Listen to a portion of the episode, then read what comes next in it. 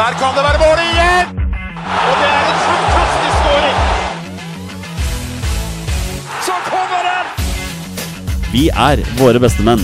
Vi har jo en del vi skal gå gjennom i dag. Skal vi bare, bare kjøre på med episoden vår? Ja, la oss gjøre det. Kjør! Heia Norge. Heia Norge! Heia Norge!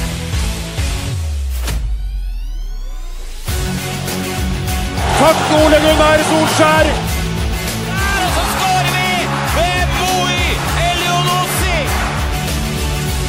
Rekdal skyter i mål! Og Norge leder 1-0! Så kommer den! Det er Tariq Elunussi som har sist på den! Martin Ødegaard! Hjertelig velkommen til alle våre følgere og lyttere der ute til det som er tidenes aller første episode 241 av Våre bestemenns podkast om norsk landslagsfotball. Mitt navn det er Jonny Normann Olsen.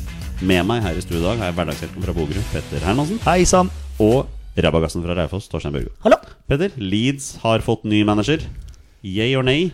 Hvis du spør La Liga Loca, så er det nei. Det er det nei. Eh, akkurat nå så er jeg i en sånn situasjon at jeg tenker at hvem som helst inn. Eh, bare Ja. for å få på plass en manager. Eh, Javi eh, Gracia eh, er ny eh, coach. Eh, ja, det blir spennende å se. Jeg bare håper han klarer å, å berge plassen. Torstein, eh, Liverpool har ikke sparka Klopp ennå, men eh, skjer det før mai? Nei, det er en grunn til det nå. Jeg begynte å vinne nå, jo. Ja, jeg begynte Ja, å vinne når jeg var der, vet du. Så da var det greit. Måtte en tur over og se Liverpool Everton, så jeg har ikke vært her på en stund. Men eh, nå er vi tilbake igjen, og da møter vi mannsterke opp når vi har eh, supergjest. Ja, vi må jo bare ta det med en gang. Det er en ny dommerspesial. Da må vi få inn han. Han kalte seg sjøl for husdommeren vår når han kom inn døra her, og direkte fra Tumba stadion i Saloniki. Det er Espen Eskås. Velkommen, Espen. Ah, tusen takk. Hvordan var Hellas? Det var jo eh, litt varmere. Det var, Ja, det var deilig. det. Ja, det var sol. Eh, og så var det Det er nesten sånn du lukter litt sånn kruttrøyk eh, av klærne eh, fortsatt. Du var litt sånn redd når du kom til flyplassen eh, her i går, og om du liksom skulle bli tatt på sikkerhetskontrollen og ha noe sånn der eh, kruttslam på deg. Men eh, nei, det var, eh, det var en heftig opplevelse. Så ikke at uh, eliteseriekamper ikke er morsomt å dømme, for det er jo det beste. eh, når eh, ting er gøy her i Norge og det er fulle stadioner. Men eh, det er klart eh, Hellas eh, og, og derby der nede, det, det er noe eget. For de som da ikke har fått dette med seg, Espen Eskos var da i Hellas og dømte kampen mellom PAOK Saloniki og AIK Aten. Hvordan får man et sånt oppdrag når man er norsk dommer? Godt spørsmål. Eh, Litt usikker selv, egentlig. Eh, Plutselig så var invitasjonen der. Eh, Men det er jo I Hellas så, så har de hatt mye problemer opp gjennom årene. Det er jo i motsetning til Ja, nå er jo Norge det beste sammenligningsgrunnlaget, for det er her vi er, og, og her vi holder med. Men i Norge så er jo lagene innforstått med at det er et sett med dommere som blir oppnevnt i kampene. Og det forholder de seg til. Eh, Det gjør de ikke i Hellas. Gjør ikke det, nei? nei. Eh, hvis du spør enkelte av de klubbene. Eh, og de største klubbene godtar ikke at det blir satt opp greske dommere, for de er overbeviste om at det andre laget har denne dommeren i lommen. Så derfor så ser de seg nødt til å, å hente dommere fra andre europeiske nasjoner for å dømme de eh, heteste og, og tøffeste kampene. Innmari spesielt. Eh, Opplegget der høres helt absurd ut. Ja, men det, det jeg satt og tenkte på, det må jo være noe korrupsjon i det bildet der. Altså, det må jo være noen sånn grunn eh, for, for at, de, at de gjør det på den måten der. Ja. Det er kult. Det er jo store opplevelser å få dømme så store oppgjør, da. Speaking of korrupsjon, Petter. Du, du sitter jo her i anledningen i dommerdrakt. Eh, det må jo nevnes. Har det med korrupsjon å gjøre? Nei, jeg vet ikke. Du. Du, du, er jo husdommeren til det nystartede Skeid senior syverlaget, som skal spille denne sesongen her, med én spiller og en eh, manager rundt dette bord. Ja. Så- Ja, det er, eh, jeg syns dommerne får jo altfor mye tyn. Ja. Så jeg tenkte at eh, å ta på dommerdrakt i dag, det var min hyllest til eh, SKs og andre dommere der ute, som, eh, som har den utakknemlige jobben. Jeg har jo dømt en del eh, kamper selv opp gjennom eh, min eh, dommerkarriere, kan du si. Eh, Jeg kan huske tilbake til eh, da jeg var eh, 16 år eh, og dømte 14-åringer. Eh, Det er ikke så stor forskjell på 14- og 16-åringer. Eh, Så jeg var i noen, eh, noen heftige si, debatter der. Og kan også huske at jeg har, eh, ja, f.eks. stoppa en kamp fordi det var en eh, litt for ivrig far på, på sidelinja som, som rett og slett slang dritt.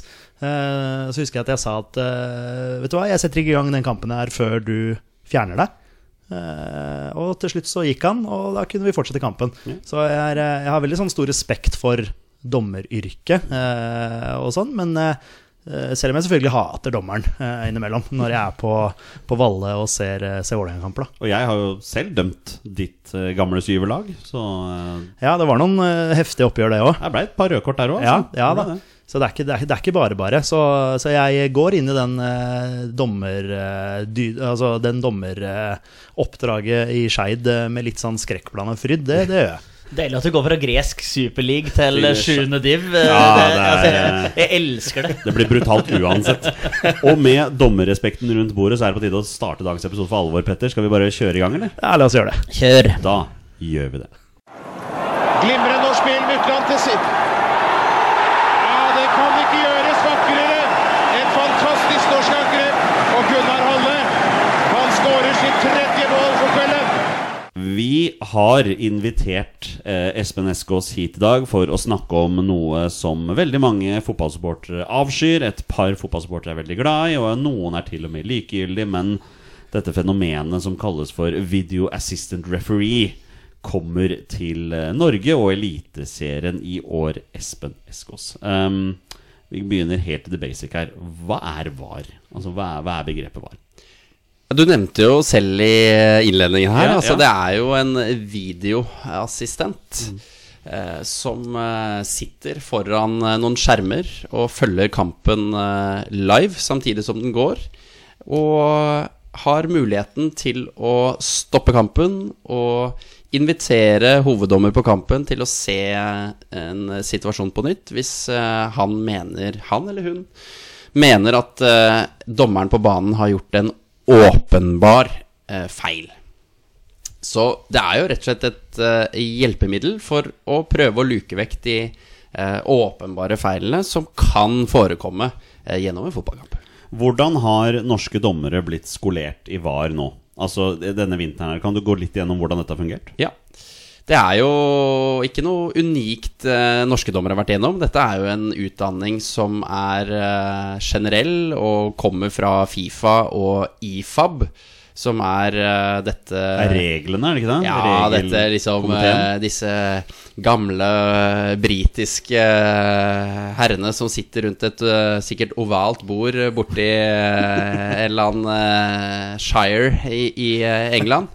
Eh, Men eh, ja, så, så reglene og, og denne VAR-protokollen er jo generell, og noe alle nasjoner og ligaer som benytter seg av VAR, må følge. Så den utdannelsen vi norske dommere har vært igjennom nå, er noe alle som praktiserer VAR, har vært igjennom. Og, og den går jo ut på at vi eh, eller, Den er på en måte delt opp i tre faser. Første fase handler om å forstå regelverket, selvfølgelig. Det er jo egentlig det som er det viktigste. Altså Kan du ikke reglene, så hjelper det ikke å sitte foran eh, skjermen eller være på fotballbanen. Eh, Del to handler jo om eh, å sitte foran skjermene og egentlig repetere og se på klipp. Altså det å forstå og bruke reglene litt mer i praksis, eh, og, og skjønne hva er det du kan gripe inn på og ikke. Og da er det jo nøkkelen det også å terpe om og om igjen eh, på klipp, da. Og, så og det er liksom klipp som varer fra 30 sekunder til to minutter, f.eks., hvor det er Eh, og så, men så blir det jo litt kunstig, fordi du vet jo at det kommer til å komme en eller annen situasjon som du er nødt til å vurdere om du skal gripe inn på eller ikke. Og så er det kunstig samtidig i den forstand at du har jo ikke en kommunikasjon med den dommeren som dømmer den kampen, for dette er jo offline og et klipp. Så eh, For live så vil du jo høre hva dommeren eh, tenker, mener Ja, kanskje ikke høre hva han tenker, men i hvert fall hva han sier i forhold til hva han vurderer der og da, som gjør kanskje jobben din som var litt lettere. Eh, og en del tre i denne utdanningen er jo eh, Da drar vi dette ut på fotballbanen, og vi eh, praktiserer først litt eh, enkeltsituasjoner og drar det ut til fullkamper, da, hvor vi eh, har en dommer og et dommerteam på banen, samtidig som vi har eh, et dommerteam i VAR-rommet. Og for det teamet består jo av tre personer. Du har jo en VAR, som på en måte er eh, hoveddommeren, hvis vi kan kalle det, i VAR-rommet. Han har med seg en assistent som kalles for AVAR, så det er liksom assisterende videoassistentdommer. Eh, så fint navn. Eh, som For det er jo hvis eh, Si du har en straffesituasjon gjennom en kamp. Dommeren blåser ikke, så du som var, må ned i materien og begynne å, finkjenne den situasjonen der. Men spillet fortsetter jo. Eh, og det kan jo skje mer, og da må vi jo ha en dommer som følger med på kampen, mens eh, den andre følger med på situasjonen som Eller sjekker situasjonen. Så det er jo Avar sin rolle da å liksom ta over spakene når, eh, når VAR er i Og sjekker og havner kanskje i en tunnel og blir litt sånn blind der inne. Og tredjepersonen er jo det vi kaller for en videooperatør. Vi trenger jo en som styrer teknikken. For det Jeg tror det er lurt at vi dommere holder oss til regelverket eh, og, og fotballen. Og så kan vi ha noen som er mer teknisk anlagt til å serve oss med klipp og vinkler og, og de bildene vi trenger. Og eh, kanskje hjelpe oss med å sette noen linjer etter hvert, da, eh, når vi kommer inn på offside. Det er jo fantastisk for en uh, fin, uh, fin oppsummering av egentlig det. Du har svart på tre av mine første spørsmål på en gang her, så jeg Ja. kan egentlig bare hoppe ut neste. Men, men eh, det er mye snakk om at VAR i Eliteserien er et slags First Price-produkt. Altså Du har jo dømt VAR i utlandet. Ja. Hva er liksom forskjellen på liksom utenlands-VAR og den type VAR som nå kommer til Norge? Eh, på mange måter ingenting. Okay. Eh, og så er det jo veldig stor forskjell på de forskjellige turneringene ute òg, da. Eh, bare eh, i høst så, så dømte jeg jo tre I hvert fall tre forskjellige turneringer. Eh, eller i fjor, da, hvis heller det. I fjor dømte jeg tre forskjellige turneringer. Alt fra VM-kvalik til uh, Europaliga til Champions League. Og, og eh, hvis vi tar VM-kvalik-match, Europaliga-match, så er det produktet helt likt som vi får i Eliteserien. Eh, når vi kommer inn i Champions League, uh, f.eks. VM nå i Qatar, så har de eh, litt mer teknologi som gjør VAR-produktet litt mer sømløst. Eh, kanskje først og fremst når det kommer til offside, eh, hvor de da har eh, i Champions League semiautomatiserte offside-linjer, som gjør at vurderingen tas mye kjappere fordi linjene eh, settes mer automatisk. Eh, så, så på en måte vurderingen kan tas eh, på et mye kortere tidsrom. Da. Og det syns jeg fungerte veldig godt i VM. Altså, det var lite brudd pga. VAR. eh, I hvert fall når det kommer til offside. For det er jo sånn at eh, det er kanskje den største tidstyven sånn med VAR, eh, offside. eh, det å skulle sette linjer. eh, finne riktig punkt på kroppene. Eh, er det alt fra Altså, er det punktet du skal bruke på bakken, altså foten, så holder det med en linje. Men med en gang du beveger deg liksom fra kneet oppover, så kan du ikke bare sette en linje på kneet, for den er jo i luften. Eh, Så du må liksom vite at eh, og Så derfor så må du på en måte få inn to punkter. Så du må liksom ha sånn 3D-teknologiopplegg. Altså nå blir det jo veldig teknisk her, da. Eh, Mm, ja, ja, nei, men men, men derfor så blir eh, med en gang punktet er kneet oppover, om det er en skulder, et hode, nesetipp for den saks skyld, så så, så plutselig begynner sekundene å røyne, og da Mm. tror jeg vi i VAR-rommet også forstår at eh, frustrasjonen kan begynne å løpe. Men da er det vel nesten bare å si Nei, men vi spiller videre. Fordi vi, må man så langt ned at du må finne det rette svaret, liksom? Det er jo noen som har etterlyst det, at kanskje ha en sånn tidsmargin. At har man ikke funnet ut av det løpet av si seks sekunder, så bare spill videre. Kunne det vært noe?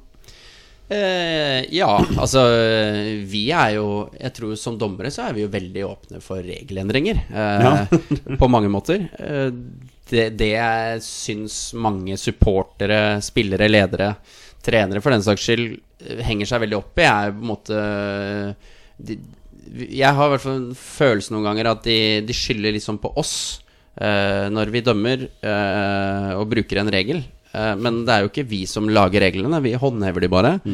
Og eh, det er jo mange altså, Mange er å ta i. Det er jo enkelte regler jeg òg tenker at hm, dette er kanskje ikke nødvendigvis det beste for fotballen, men nå er det noe sånn at det er bestemt, så, så da må vi bare følge det, de, de reglene som er. Og dette er jo en sånn eh, jeg, jeg tror det er kommet mange forslag til regelendringer inn til disse guttene i, i denne enkelte Shire. Der borte. Som gjør for å på en måte få VAR-produktet mer sømløst. Fordi vi òg er jo opptatt av å få et best mulig produkt. Eh, Og derfor så eh, som med VAR, så er det liksom viktig for oss å, å påpeke at det er jo ikke et dommerprosjekt eller et dommerprodukt. Det skal jo være et fotballprodukt som skal heve den norske fotballen. Eh, og det, det håper jeg jo vi på sikt eh, klarer å få til, og klarer å liksom implementere i disse skeptiske skallene som sitter rundt eh, i det ganske land. Kommer du til å Unnskyld, Kommer du til å dømme noen kamper sjøl fra VAR-rommet, eller kommer du primært til å være på banen, tror du? Eh, jeg håper jo, hvis jeg er var, at jeg ikke dømmer kampen. eh, for det er jo Godt også- poeng, Ja, godt poeng. Ja, men, Ja. Men, men For det er jo på en måte fin formulering du hadde der, da. Ja. Eh, eh, fordi Det kan vi jo bare ta først som sist. For det er liksom sånn Det er jo hoveddommeren på banen. Selv med VAR nå, så er det hoveddommeren på banen som dømmer kampen. Ja, ikke sant? Og eh, du som var, er liksom en støttefunksjon, eh, og skal på ingen måte ta over kampen. Eh, da har jo både du som var misforstått, og da har eh, hoveddommer eh, gjort noe fullstendig gærent. Så eh, det er utrolig viktig at eh, vi som skal være på banen, er tøffe kampledere som fortsetter å tørre å ta liksom de tøffe avgjørelsene. Eh, fordi eh, vi kan fort ende opp med at eh, med VAR så blir du som hoveddommer litt sånn eh, passiv. Fordi du tenker at ja, jeg blir jo reddet, ikke sant. Så jeg velger heller å avstå fra å ta en tøff avgjørelse, fordi det er kanskje mye bedre for meg å bare vente, så får jeg på øret om jeg må ut og se, og så blir det riktig til slutt uansett. Istedenfor at du bare gønner på, så viser det seg at gønner du på, og så har du riktig, så slipper vi å bruke masse tid på VAR-produktet, og så går dette veldig bra. Så Men eh, for å svare på det spørsmålet du, du stilte, så er svaret ja. Ja, jeg kommer til å fungere som VAR. Ja. Eh, og det er litt sånn skrekkblandet fryd, eh, fordi det er skummelt. Eh, Det kan vi komme litt tilbake på. Altså sånn eh, Vi har jo opplevd eh, jeg, jeg tror vi, vi har sikkert noen spørsmål etterpå som, som omhandler litt det svaret, men eh, det er jo Jeg føler meg mye mer komfortabel på banen, for det er det jeg har gjort hele mitt liv. Ja, ja. Eh, Så, så det er jo sånn med alt som er nytt, så er det jo på en måte en, en skepsis der. Eh, Men jeg tror jo det interessante med VAR nå er jo at vi vil oppleve eh, at vi finner ut Oi, fader, du er jo helt rå bak skjermen. Altså sånn Det med å sitte der, se situasjonene, du kommuniserer Altså sånn Mens andre blir helt Helt nervevrak, fordi det er press i seg selv å sitte der, da. Fordi sånne som dere eh, sitter og snakker om denne tidsbruken, ikke sant? Så du vet Oi, fader, eh, hva er dette riktig, er det feil? Og så ser du på klokka, og så har det gått ti sekunder, og så, og så løper sekundene, da. Men akkurat nå så er dere jo på Sarpsborg stadion og har flere treningskamper hver helg nettopp for å kanskje luke ut sånne ting. Ja. Ja. Det er målet, da. I hvert fall. Ja. Skeid fikk jo annullert et mål for eh, VAR i treningskamp for to uker siden. Det var en veldig rar opplevelse. Var det riktig? Ja? Jeg vet jo ikke det! Vi fikk jo ikke, vi fikk jo ikke se noen repriser. Men det var den ikke- kvinnelige dommeren som bare sa nei, det er offside. Så må jeg si jeg får vel stole på dem, da. Vi fikk ikke se noe, det treningskamp. Har dere vært rundt hos noen klubber ennå og informert, eller, informert om det, eller skal dere? Eller? Ja, det er jo en del av øh, Og en viktig del av arbeidet nå frem mot seriestart. Én ting er klubbene og lagene og spillerne, men, men også publikum, kanskje først og fremst, tenker jeg, da. Få med media på laget der med å, å, å informere eh, hvordan vi ønsker at dette skal være. Men når det gjelder klubbene, så er det utrolig viktig at vi blir eh, eh, enige om hvordan vi ønsker at dette skal være. Eh, vi må jo ha en felles forståelse eh, om hvordan vi skal bruke dette. Så eh, vi har jo i denne perioden her så er vi jo sammen med lagene i Marbella f.eks. Eh, og eh, jeg var der sist for en uke siden og, og hadde sekvens med, med lag der nede da, og det, det er kjempe, en kjempenyttig inngang til sesongen at, at vi bruker tid med lagene. Én ting er jo å snakke om eh, retningslinjer og, og fokusområder og vise litt klipp og, eh, som på en måte er en obligatorisk del av eh, lisensen, er det vel. Skal de få den godkjent, så må de på en måte gjennom den obligatoriske delen med retningslinjer. Men også benytte tiden samtidig og, og snakke om VAR, da, for det, de er jo veldig nysgjerrige på hvordan, eh, hvordan dette skal bli. Men er, er spillere med da på Altså, du sitter og har et foredrag-ish? Er det Ja. sånn, eller? Ja, jeg ønsker jo mest mulig dialog. eh, Så, så jeg prøver jo, hvis det er mye stillhet, så prøver jeg å utfordre litt med de spørsmål. For det, det er jo Det er bare dumt at jeg står og forteller hvordan det skal være. Jeg ønsker jo også tilbakemelding fra spillerne. Hva er det de er opptatt av? Altså, hvordan, hva er, tenker de på? Eh, Altså, når det er situasjoner som, som hvor VAR skal benyttes, da, hva er det de tenker på? Eh, Det er liksom viktig for oss å ta, ta med oss videre inn i øvingen. Eh, Jeg tenker litt på en sånn hovedrunde i Eliteserien. Det Ja. spilles fem kamper samtidig. Hvordan fungerer det sånn VAR-messig? Er det eh, du, du sier det er en hovedvar, en assistentvar og en videovar, hvis du kan kalle det altså en, en, en teknisk var. Eh, Er det det da fem ganger tre stykk rundt Ja. omkring? Ja. Altså, Er det en VAR-buss utenfor stadion, eller åssen Det kan jeg svare på, faktisk. Ja, det. det. Det, er bygget et eget rom på eh, Holbergs plass, tror jeg. Nei, Ja. unnskyld. Et eller annet- solig annet plass eller Holbergs plass i Oslo. Ja, så er der hoved- Aftenposten hadde en kjempefin artikkel om det. Det er et, det er et svært rom. Ja, ja. Ordentlig med sånn, med sånn eh, vegg-til-vegg-teppe og en stasjon, altså med sånn fem meters avstand eller noe sånt. Så Det, det så proft ut, da. Så det, Ja, Så da vil det være eh, tre stykk per kamp som følger hver match Ja. fra samme rom, på en Ja. måte? Eller fra, ja. Ja. Mm. Se for deg du må be det ene teamet bare dempe seg litt, for de blir veldig høylytte. Ja, ja, ja. Altså, Eskås, nå må du roe deg ned. Vi prøver å se Viking Bodø-Glimt her. Nei, men det er, eh, det er helt riktig. Eh, Det har blitt laget et varom hvor vi har åtte stasjoner. Så i teorien kan vi jo For det er jo enkelte seriekamper, altså om det er de to siste og, og eh, Jeg vet ikke om det er noen flere, men i hvert fall de to siste, da. eh, Som er eh, hvor alle kampene går samtidig. Så da er vi jo nødt til å ha tilgjengelige stasjoner. Så det så der vil det jo være høy aktivitet eh, når det er serierunde. Eh, og ja, jeg håper jo eh, lyddempingen er såpass god at vi kan uh, bjeffe litt uten at det ødelegger for den andre kampen. Men det er jo også fascinerende, syns jeg. da Hvis du ja, Kall det sammenligne med Hellas, så tror jeg ikke de annonserer hvor det varrommet er til uh, supportere. Men men i Norge så har vi gått høyt ut og, og annonsert at det er på Holbergs plass, og der er alle velkomne. Så, så jeg blir spent på å se første supporter som stiller opp der. Og Ja, har en, for det men, men sånn er det. Det er, det, er jo, det er jo Norge, da. Der er vi jo snille og, med hverandre, så det er jo null problem. Men da, jeg bare- satser på at de bildene da ikke kommer fra TV2 Play, da, for det er sånn 30 sekunder delay. Ja, ja, ja. Da får man jo bildene seinere til Holbergs enn Så bare du, det skjedde noe her for eh, ja, Nei, vi er jo langt forbi den situasjonen jeg ja, Nei, så det blir spennende å se, da. Jeg Ja. regner med at det, at det blir lineær-TV. Men eh, bare eh, sp spørsmål til ehm, Det er jo p- pratet på å få tidligere spillere inn uh, i stedet, altså ikke i stedet for en dommer, men i tillegg til en dommer som på en måte har uh, opplevd og vært i samme situasjoner. og sånn. Stiller du deg til det? Måte, eller hvis det skulle vært tilfelle, altså i eh, Var det HamKam Sandefjord vi hadde eksempel på i stad? Og ja, nå har Torstein Helse spilt i HamKam, da. Men uh, Raymond Kvisvik, da. Uh, sitte og være en uh, anon anonym, blir det det? Nei, hva det heter det? Eh, ikke fordelaktig for noen av laga. Du skjønner i hvert fall Neutral Nøytral, eh, ja. Takk, herregud. Eh, Sånn tenk- som alle dommere skal være. ja, men hva tenker du om det, hvis det hadde vært tilfellet, da? Ja, de er jo kjempevelkomne. Og det tror jeg kan være en kjempefordel eh, i mange settinger, å ha en eh, ja, bakgrunn fra høyt nivå på fotballbanen. Og så skal jo det kombineres med å forstå regelverket. eh, For det er jo én ting er jo hva du selv tenker er fornuftig i en eller annen situasjon, men det må harmonere delvis opp mot et regelverk. Mm.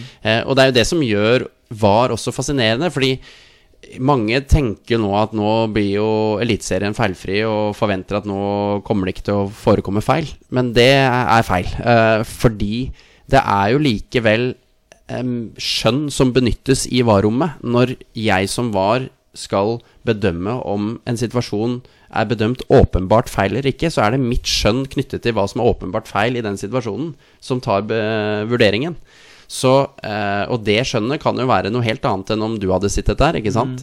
Så eh, derfor så bruker vi jo masse tid nå på å få en felles forståelse på eh, hvor vi ønsker og at eh, denne listen eh, som vi gjerne snakker om, da, for hvor, hvor høyt slash lavt eh, skal den listen være for når vi skal gripe inn. Eh, og, og vi jo den, har jo den oppfatningen at vi ønsker å ha den listen så høyt som mulig. At det er bedre at vi lar et straffespark som vi kanskje skulle dømt, øh, passere, enn at vi blåser et straffespark eller, altså, eller at vi griper inn på et straffespark for mye, som på en måte blir for mildt. da så, så vi ønsker å ha en relativt høy list, for det mener vi også er med på å bedre kritikken rundt tidsbruk og VAR. da At det er kun liksom virkelig åpenbare feil som gripes inn på. Og der er det 4-0. Det gjør at Sørloth som skårer sitt andre mål. Og det er spilt 21 minutter. Vi har etterlyst spørsmål fra våre lyttere, og dere leverer som alltid. Men før vi kommer så langt, eh, Espen. eh, veldig mange på sosiale medier er jo veldig skeptiske til VAR, bl.a. også pga. det med at, de- at VAR i Norge blir omtalt som en slags First Price-produkt. Det skal være en slags billig variant av VAR. Men Vi har allerede vært litt innpå det. Men kan du berolige disse skeptikerne med at det norske VAR-systemet egentlig ikke er så gærent? Ja, jeg kan svare så kort på det. Men, og så er det jo fascinerende, da. Ikke sant? Nå når vi i samfunnet egentlig eneste vi er ute etter i butikkhyllene, er jo disse First Price-produktene.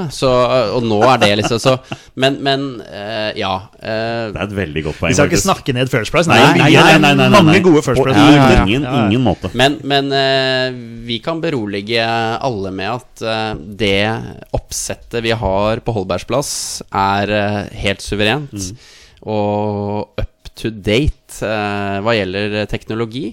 Og så er det klart at eh, hvis vi sammenligner oss med Champions League og VM og EM, så, så tror jeg det blir litt feil òg, i Eliteserien. Så det er klart, eh, det må jo være et mål å komme dit eh, med tiden. At vi også får eh, f.eks. dette med semiautomatiserte offside-linjer. Eh, men jeg tror vi er nødt til å starte et sted, og da har vi kommet til å starte på en plass som er, eh, er så godt som, som overhodet mulig. Og eh, så lenge vi dommerne er skolert på riktig måte og er klare til dyst, så, så kommer dette til å bli veldig bra. Men det er jo dette her det, ja, unnskyld, men det er dette her det blir i år. Så nå må jo alle stille seg bak det, tenker jeg, og støtte opp under. Fordi at du får ikke gjort noe med det nå, selv om du er skeptisk til det. Så det, blir- det, blir, det blir det her nå. Så Det er lov å være skeptisk Ja, men det, men det kan jo hende at de som er skeptiske, er de som har ropt på at vi burde hatt VAR i Norge for fire år siden. Altså, nå kommer, nå kommer det hit. Altså, vi, vi må være klare for det nå. Norge må jo være med i tida, de òg. Ha Obos-nivå i Eliteserien, eller hvis Ja, bare- men, ja, men jeg tenker dommere òg, som skal ut og dømme Europa òg. Du har jo sikkert ambisjoner, du òg, om å dømme flere Champions League-kamper, VM-kamper, EM-kamper, alt mulig som er. Og da har du vel litt lov til det hvis det ikke er VAR i din hjemlige liga, eller så må du ha en opplæring. Det er sikkert noen regler på det der òg, så nei, Hadde det vært VAR på Nordre Åsen, så hadde aldri Bård Finne fått det der frisparket i cupkampen. Soleklar frispark. eh, Eh, Husker du hvem som dømte den kampen? Uh, nei, Det er han sitter der. det var SK ja. ja Soleklar frispark. Eh, men kan, kan man sammenligne vår var, jeg kaller det vår var, du skjønner hva jeg mener, med andre land? Altså, Eh, ja, det går jo sikkert an. Altså, nå har jo ikke jeg sånn fullstendig kunnskap Oversikt. og oversikt over eh, Men jeg tror jo Altså, selve VAR-produktet er likt eh, de fleste land i Europa. Og så tenker jeg kanskje den største forskjellen fra turneringene er jo gjerne antall kameraer, kanskje, ikke sant? Eh, mange er jo skeptiske til om vi har nok kameraer, eller om eh, Og eh, uten at vi skal lage noen stor diskusjon rundt det, så kan det nok også forekomme at vi har eh, runder hvor det er eh, x antall kameraer på hovedrundene, og så- eller på hovedrunden med fem kamper, og så har du kanskje x antall kameraer på hovedkampen eh, på kvelden. Eh, og så- men, men det er nå TV2 som styrer antall kameraer og sånne ting, men det er jo et minimumsantall eh, gitt protokollen. Som jeg mener er fem kameraer, så det er i hvert fall et minimum. Også, men hva vi lander på av kameraer, sånn er jeg litt usikker på. Da. Det, da, igjen, da kommer vi litt inn på det tekniske som jeg ikke har brydd meg så mye om ennå. Eh, men eh, ja. Vi, vi skal ta spørsmål fra lyttere, men jeg kom plutselig på et spørsmål jeg må spørre deg. Når du nå skal dømme Ja. Du har dømt en avgjørelse, så har du tenkt deg sjøl at ja, det gikk veldig fint. Så er det plutselig noen som sier på øret Du, Espen, denne situasjonen må du se på. Og så ser du den på skjermen, og så ser du plutselig Oi, der var det noe jeg glipp av. Får du en sånn derre Oi, shit, hva var det som skjedde der, liksom, da?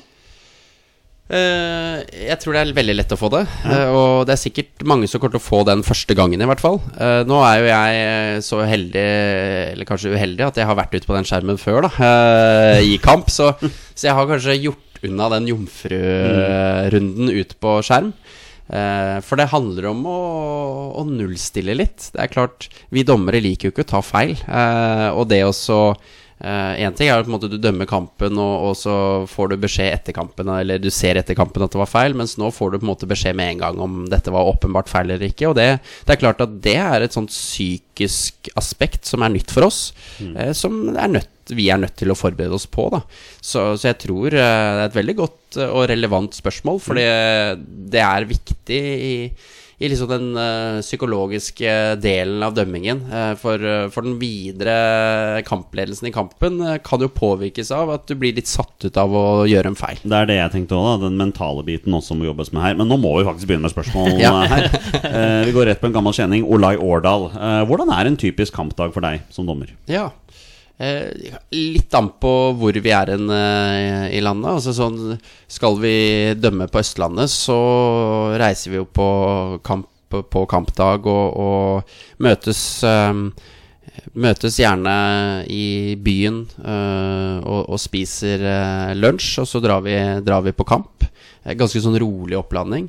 Eh, Hvor lang tid før en kamp er dere pålagt å være på stadion? Eh, vi har vel en sånn kjøreregel om at vi er på stadion eh, halvannen time før kampen. Halvannen time. Eh, og så er det vel en sånn kjøreregel at vi bør være i byen eh, tre timer før kampen, da. Eh, sånn ish. Eh, så Og det er jo gjerne liksom rundt mellom ja, mellom fem og tre timer eh, de fleste gjerne spiser også før kampen. Så da er det liksom sånn naturlig at da, da er man eh, samlet i byen. Du ser ikke en eliteseriedommer komme slenter inn på stadion med en kebab i hånda liksom halvannen time før eh, kampen begynner? Det har nok, vi har nok hatt de dommerne, men den tiden er forbi. Uten å nevne navn, så, så er det vel vært noen kandidater til den rollen der, ja. Riktig, riktig. Det blir litt mer profesjonelt. Ja, så dømmer, så dømmer du kampen, og så etter match så er det, noe, er det, er det en evaluering med en gang etter Ja. kamp? Hver kamp så har vi jo en veileder eh, som, eh, som ja, i, ni av ti tilfeller så er jo vedkommende på stadion. Eh, og så har vi begynt med å ha veiledere hjemme som på en måte ser kampen på TV. Vi kaller det for TV-spotter. Eh, men uansett så har du en samtale med, med veilederen din etter kamp, eh, hvor vi går igjennom de viktigste hendelsene. Eh, og han eh, eller hun har jo dannet seg et generelt inntrykk av kampledelsen òg, så du får på en måte tips litt sånn på det generelle plan, og så dykker vi litt ned i materien på, på de vanskelige situasjonene som eh, ble løst både godt, men, men som kanskje også bør løses annerledes eh, neste gang. Er du, er du innom eh, laggarderobene før kamp bare for å hilse eller hilse på trenerne, noe sånt, eller? Eh, nei, sjeldent. Eh, men du treffer de jo i slusa og på vei ut og inn av oppvarming og, og, og sånne ting. Så det er jo eh, en sånn Ja, det blir en sånn naturlig eh, passiar da, men eh, sjeldent inn i garderoben og, og, og lukte på det som foregår der inne. Hvor mange ganger i løpet av en sesong får du en sånn morsomhet fra en spiller som ser deg bare sånn Alle er sånn Åh, er det du? Ja, hver gang. Ja, det er det. Og det er da du skal si ah, det var like morsomt for 19 serierunder siden, Ja, ja. liksom. Ja. Vi er der, ja.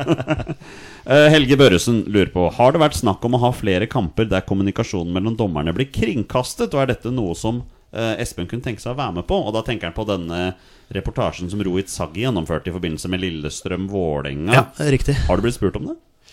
Eh, ja, altså Personlig så har jeg vel ikke det i utgangspunktet, men, men eh, det var jo en kjempefin seanse. Eh, jeg tror eh, de fleste av oss uh, syns det var veldig bra, og Rohit selv syns jo det ble veldig bra. Og det, det er klart, jeg tror jo sånne seanser og ting er med på å ja, ufarliggjøre dommerrollen litt og slippe eh, folk litt mer inn i vår verden, tror jeg bare er sunt. Så, så du skal ikke se bort fra at det er noe som vi vil, eh, vil også se i fremtiden. Og så er jo spørsmålet med VAR, hvordan det vil utvikle seg. Altså Nå var det jo eh, under eh, klubb-VM nå, så var det jo en eh, prøve eh, Kall det aksjon med at de gangene var, nei, dommer var ute og så på skjerm, Så eh, når han på en måte kom tilbake på banen eh, og liksom viste VAR-tegn, så forklarte han eh, hva han hadde sett, eh, og hva avgjørelsen blir, og så pekte på straffemerket, f.eks. Litt sånn som i, om det er amerikansk fotball eller og, og hockey òg, hvor det liksom på utvisninger så liksom forteller de hvorfor det blir utvisning. Da. Så, så du skal jo ikke se bort ifra at det blir mer eh, av de type tingene i, i fotballen. Og, og, og vi i Norge skal ikke liksom, når vi nå først eh, inviterer VAR inn i, i vår verden, så skal ikke vi liksom være restriktive med, med å prøve ut nye ting. Men så tror jeg vi skal tillate oss å og la det gå en sesong eh, for å bli litt varme i trøya før vi liksom åpner opp helt eh, slusene. Se for deg Espen Eskås bare går til midten av banen, skrur på mikrofonen bare Two minute for warning! Number 42, home team! ja, men det, jo, det var jo fantastisk, det klippet med Saggi. Eh, også, eh, vi har jo også sett eh, tidligere fra, fra A-league, eh, Australia, med han Gillette. eh, Som nå vel har blitt Premier League-dommer. Ja, han ble jo henta fra A-league til Championship først, og så har han gått gradene fra Championship opp til Premier League. Fantastisk eh, flink dommer, syns jeg. Men der fikk man jo også det der Det der legendariske YouTube-klippet hvor de fulgte han gjennom kampen, og den, den kommunikasjonen mellom dommerne. Syns i hvert fall det er veldig interessant. Så jeg, jeg håper jo det kommer flere sånne, da. Ja. Stig André Lippert, også fast følger. Oi, og vært gjest her også. Fantastisk mann. Fantastisk mann. Ja. uh, med verdens mest tålmodige kone. Det må han ha. tvil om det, som Ja. ground up som han Hvis er. ikke det er Espen da som har det. Ja, de kan krangle om det. Mest, ja. Jeg tror faktisk Stig André sin er mer tålmodig. Kanskje, kanskje. Men han har et spørsmål. Eh, men han sier også at du skal få lov til å slippe å si navn. Ja, Men veit du om noen i dommerstaben som ikke vil ha var? ja det, det er jo et godt spørsmål. Uh, og det kan godt hende at det er, uh, men vedkommende har ikke gitt lyd fra seg. Mister vel i så fall jobben, da, Ja, det er et godt, uh, godt poeng. Men kan det være Si, si deg, hvis du, hvis du liksom gir Terje Hauge beskjed om at Du, jeg vil ikke sitte på det varerommet. Jeg kan dømme kampene, men jeg vil ikke sitte på rommet. Kan det arrangeres? Eh, ja. Ja. Um, og, og det er jo Det er jo det, Vi vil ikke ha mange av de casene, men, men selvfølgelig så kan det godt hende at uh, du, du vil være noen sånne spesialcaser, da, uh, som det.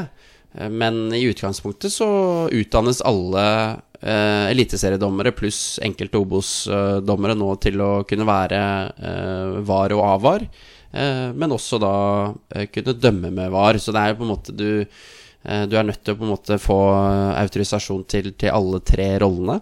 Eh, men så tror jeg vi med tiden, som vi var litt innom tidligere, vil, vil se det at noen passer bedre som hoveddommere og vil få mindre oppdrag som var, og andre vil uh, få en renessanse, kanskje, og, og finne ut Oi, shit. Uh, var, var eh, på en måte min eh, bane videre i, i dommeryrket, og, og for flere blir mer en sånn spesialdommer eh, i, i VAR-rommet. Så jeg vil bare dommeren etter hvert parti. Jeg vil ha den personen på mitt VAR-team. Ja, men det, det kan godt ja. Og litt sånn hvis reiser ut og dømmer òg, da. At du har med deg liksom eh, eh, din egen VAR-gutter, da, som, eh, som du på en måte har. For det, det handler jo til syvende og sist om kommunikasjon kjemi, og, og samarbeid, Mm. så um, ja. Hvorfor ikke? Torstein, jeg ser på opptakeren min her, og du har vært overraskende stille denne, den kvelden. Har du noen, noen spørsmål? Nei, men jeg, jeg sitter bare og nytter, nytter hører du. Jeg, Venter på 20 spørsmål, er det det? ja, jeg sitter og Varmer opp. For å lade opp. Nei, Ja. men jeg må komme i gang. Jeg har vært her i fire uker. Men jeg, men, nei, men jeg liker så godt å sitte og høre på når folk prater fag. Og så sitter jeg og lærer og veit at når vi skal ha Espen sånn Da er jeg tre fjerdedels ferdig med, med eliteseriesesongen, så skal vi inn og ta opp igjen det her. Og så skal vi slakte Ja, da, ja, ja. Du må jo komme på besøk etter sesongen og spørre ja, hvordan har dette gått. Så hva er du fornøyd med? Ting. men, ja, men jeg syns det er morsomt og lærerikt, og så er det så mye fine spørsmål som egentlig er ting jeg lurer på. Så Eh. Sean Røskeland, Brann-supporter, lurer på Finnes det noen regler som ikke håndheves godt nok, eller som dommerne ikke er konsekvente nok med? For min del syns jeg det reageres for lite på usportslig atferd, både drøying, spesielt fra keeper over bytter, og ikke minst når spillere flokker seg rundt dommeren etter en avgjørelse. Um, ja, noen regler som dere ikke er konsekvente nok med? Ja, eh, og, og, og jeg er jo ikke uenig i eh, de eksemplene han eh, ramser opp der heller. Og, og det er jo på en måte vårt ansvar å ta tak i det. Samtidig så er vi jo også underlagt Uefa og Fifa i forhold til hva som skal være fokus. Så det blir på en måte Vi får jo ofte dette med Ja, ta keepere med seks sekunder, eller hva det er, da. At ja, det en, ja, kalles en sovende regel, og, og, og vi kan godt begynne å praktisere eh, den regelen mer eh, ordrett eh, her i Norge, men det vil på en måte eh, skape litt problems eh, ellers ute. Og, Ja. Så som mindre Uefa og Fifa bestemmer seg for at nå må, må vi på en måte ta i et tak, eh, f.eks. med den regelen, så vil vi praktisere den som den praktiseres. Eh, fordi det er det som eh, vi får beskjed om. Så igjen så blir det liksom det at vi vi, må, vi må sette litt eh, fokus på det generelt, og så skal vi i Norge også være med på det, det fokuset. Jeg tror du var først oppe, Peder. Ja, eh, jeg syns den sekssekundersregelen er veldig fascinerende. eh, for Den, ja, den blir jo aldri praktisert. Men, men er det seks sekunder Ja, keeper slenger seg ned og redder ballen, da. Er det seks sekunder fra han har slengt seg ned og redder ballen, eller er det seks sekunder fra han reiser seg opp? Skjønner du hva jeg mener? teorien så er det vel fra han har reddet den ballen og har ballkontroll øh, og den ballen Det tar jo seks sekunder å reise seg opp. Ja. For noen keepere gjør det Ja, det. ja, men altså, det er jo Ja, ja. en helt håpløs regel. Ja. Altså Seks sekunder, hvor, Ja, er det det ja, ja. kom, hvor er det det kommer fra, liksom? Ja. Si det. Jeg synes det er eh, Ja, men jeg bare syns det er sånn jeg, jeg forstår på en måte at den ikke praktiseres, Mm. fordi hvordan tolker man den? Ja. Og det, og det verste er jo på en måte når du er på arenaer hvor liksom publikum begynner å rope. Én, Ja, to Og så plutselig når du er på tolv, 13, og så Ja, ja, ja. Og det hører du. Ja, ja, ja. Jeg gjør det på Nordre Åsen hele tiden. Eh, Ja, men det, det, det legger jeg meg flat på. Jeg gjør det ofte. Ja. Eh, Sigurd, også kjent som soneforsvar, sier at det er ofte blitt sagt at Norge ikke er kyniske nok i avgjørende kamper. Hva er det Norge kunne lært av f.eks. Italia, og hvordan ser du dette fra et dommerperspektiv? Vi kan svare litt på det, vi òg, da. Men eh, ja, hva, Norge ikke er kyniske nok i avgjørende kamper? Litt inn på landslaget her nå. Ja, vi har vel fått den eh, Vi var jo i Bulgaria eh, for noen år siden. Apropos, huff meg. apropos kynisme, vi tapte 1-0. Eh, bulgarerne lå vel mer nede på bakken enn de spilte fotball. Ja. De vant kampen på det. Eh, fikk stø eh, liksom støkka opp spillet, da, så det ikke, vi, Norge fikk i hvert fall ikke noe flyt. Eh, jeg ser gjerne at vi gjør sånn i avgjørende kamper, men Ja. det ligger ikke på en måte i oss som stolte nordmenn. Vi holder jo ikke på sånn. Men det er jo litt relevant for, for deg da, Espen, som dommer, når du dømmer ute i det store Europa. La oss bare som et eksempel kanskje et Balkanland eller et eller annet østeuropeisk. Du, du har helt sikkert vært borti det. Et lag som leder, og så plutselig får de innmari vondt i lilletåa i den situasjonen der. 100 Eh, Og én ting er jo landslaget vårt, men jeg syns jo også vi har enkelte klubblag som uh, har feilet i playoff-matcher uh, til turneringer og diverse òg, hvor på en måte motstanderen på, med rette eller urette har gått videre pga. kynisme i, i nøkkelsituasjoner og de avgjørende situasjonene i kampene. Da. Og så tror jeg det blir feil av meg å sitte her og skulle eh, prøve å si at eh, vi eh, i Norge må bli mer kyniske. eh, for det er liksom Den, rollen har jeg ikke. Men jeg tror nok, og jeg ønsker jo ikke det i Eliteserien f.eks., altså det, for det blir helt feil. At vi plutselig nå Altså si Molde, da. Jo, for de skal nå ut og spille Champions League-kvalifisering, så skal de trene på å være jævla kyniske, og så blir de bare det verste laget ever i Eliteserien. Det blir helt feil, men det må være mulig kanskje å kneppe til litt eh, når de er i den kampen de trenger å være det. Og, og det oppfordrer jeg jo Molde til å gjøre, eh, fordi motstanderne gjør det jo. Og så får det være opp til dommeren å ta dem på det hvis, eh, de, å- hvis de drar det for langt. For det er jo akkurat det vi gjør når vi reiser ut òg. Altså, vi forbereder oss på at her er det lag med spillere som eh, kommer til å både lage det vanskelig for oss eh, dommere, men også for motstanderlaget. Og det må vi være forberedt på. Og det er jo en fin eh, segway over til spørsmålet fra Kjetil her. og det er et VM-spørsmål. Nå så ikke jeg noe VM, men dere, dere gjorde jo det. Eh, og jeg fikk med denne artikkelen her, for etter all tilleggstida i VM Det var jo enkelte kamper hvor det ble lagt til 16 minutter og 20 minutter og sånn. Er, er det noe vi kommer til å se i årets eliteserie? Jeg håper ikke det. Nei, nei, nei, nei. det orker jeg ikke. Men, men, men, men dette var et. Dette var da et prosjekt, ikke det? Eller var et prøveprosjekt? At det skulle legges til for hver gang ballen var ute av spill, eller et eller annet sånt. Fordi det er jo hevet over hver tvil at en fotballkamp varer jo ikke 45 minutter. Eller to ganger 45 minutter. Det varer jo to ganger 20, eller hva det er for noe. Nei, og, det er riktig. Og at vi vil med VAR eh, oppleve kamper med eh, mye tilleggstid, eh, og mer tilleggstid enn hva vi er vant til, og at kanskje snittiden på tillegg vil gå opp. Ja, 100 mm. og så er jo spørsmålet 16-20 minutter. Ok, er det en spesiell skade, så, så er jo det med på å påvirke det. Men, men jeg tror nok likevel at vi Med VAR så vil man prøve å eh, være nøye på tidsbruk av VAR også. Altså VAR-sjekker. Altså hvor, hvor lang tid har eh, VAR-involveringer eh, vært i omgangene. Legge det til eh, det vanlige, eh, som bytter, som skader. eh, og, og unormalt lange feiringer etc. Så, så det er jo det som blir forskjellen med og uten VAR. At, at VAR-tiden kalkuleres, eh, og VAR-bruken kalkuleres inn i tilleggstiden. Eh, Og så tror jeg kanskje at eh, de første kampene i VM hvor vi så voldsomt lang tilleggstid, var det kanskje dommere som hadde tatt eh, dommersjef Colina litt vel på ordet når han sa at nå skal vi være eh, flinke med tilleggstid. For du, jeg Nå så ikke jeg alt av kamper, da, men jeg opplevde vel en sånn tendens til at tilleggstiden ble kortere og kortere jo lenger ut i mesterskapet du kom. Eh, og så det, så gikk nok fra at vi mm, De startet liksom veldig høyt, eh, og, og nå skal alt kalkuleres, til at eh, det ble litt mer skjønn etter hvert, da, og fornuftig. Men, men overtid er jo nesten en vits uansett. Når det legges til fem minutter når ballen har vært spillet kvarter. Liksom. Man skjønner jo at folk på tribunen blir frustrerte. Så det er egentlig det greiene som hadde VM. Jeg ønska det velkommen. Ja, ja, Det virker litt tilfeldig noen ganger, da. Ja. Eh, Men er det du som hoveddommer som bestemmer tilleggstiden? Uh, ja, altså sånn Jeg har vel siste ordet.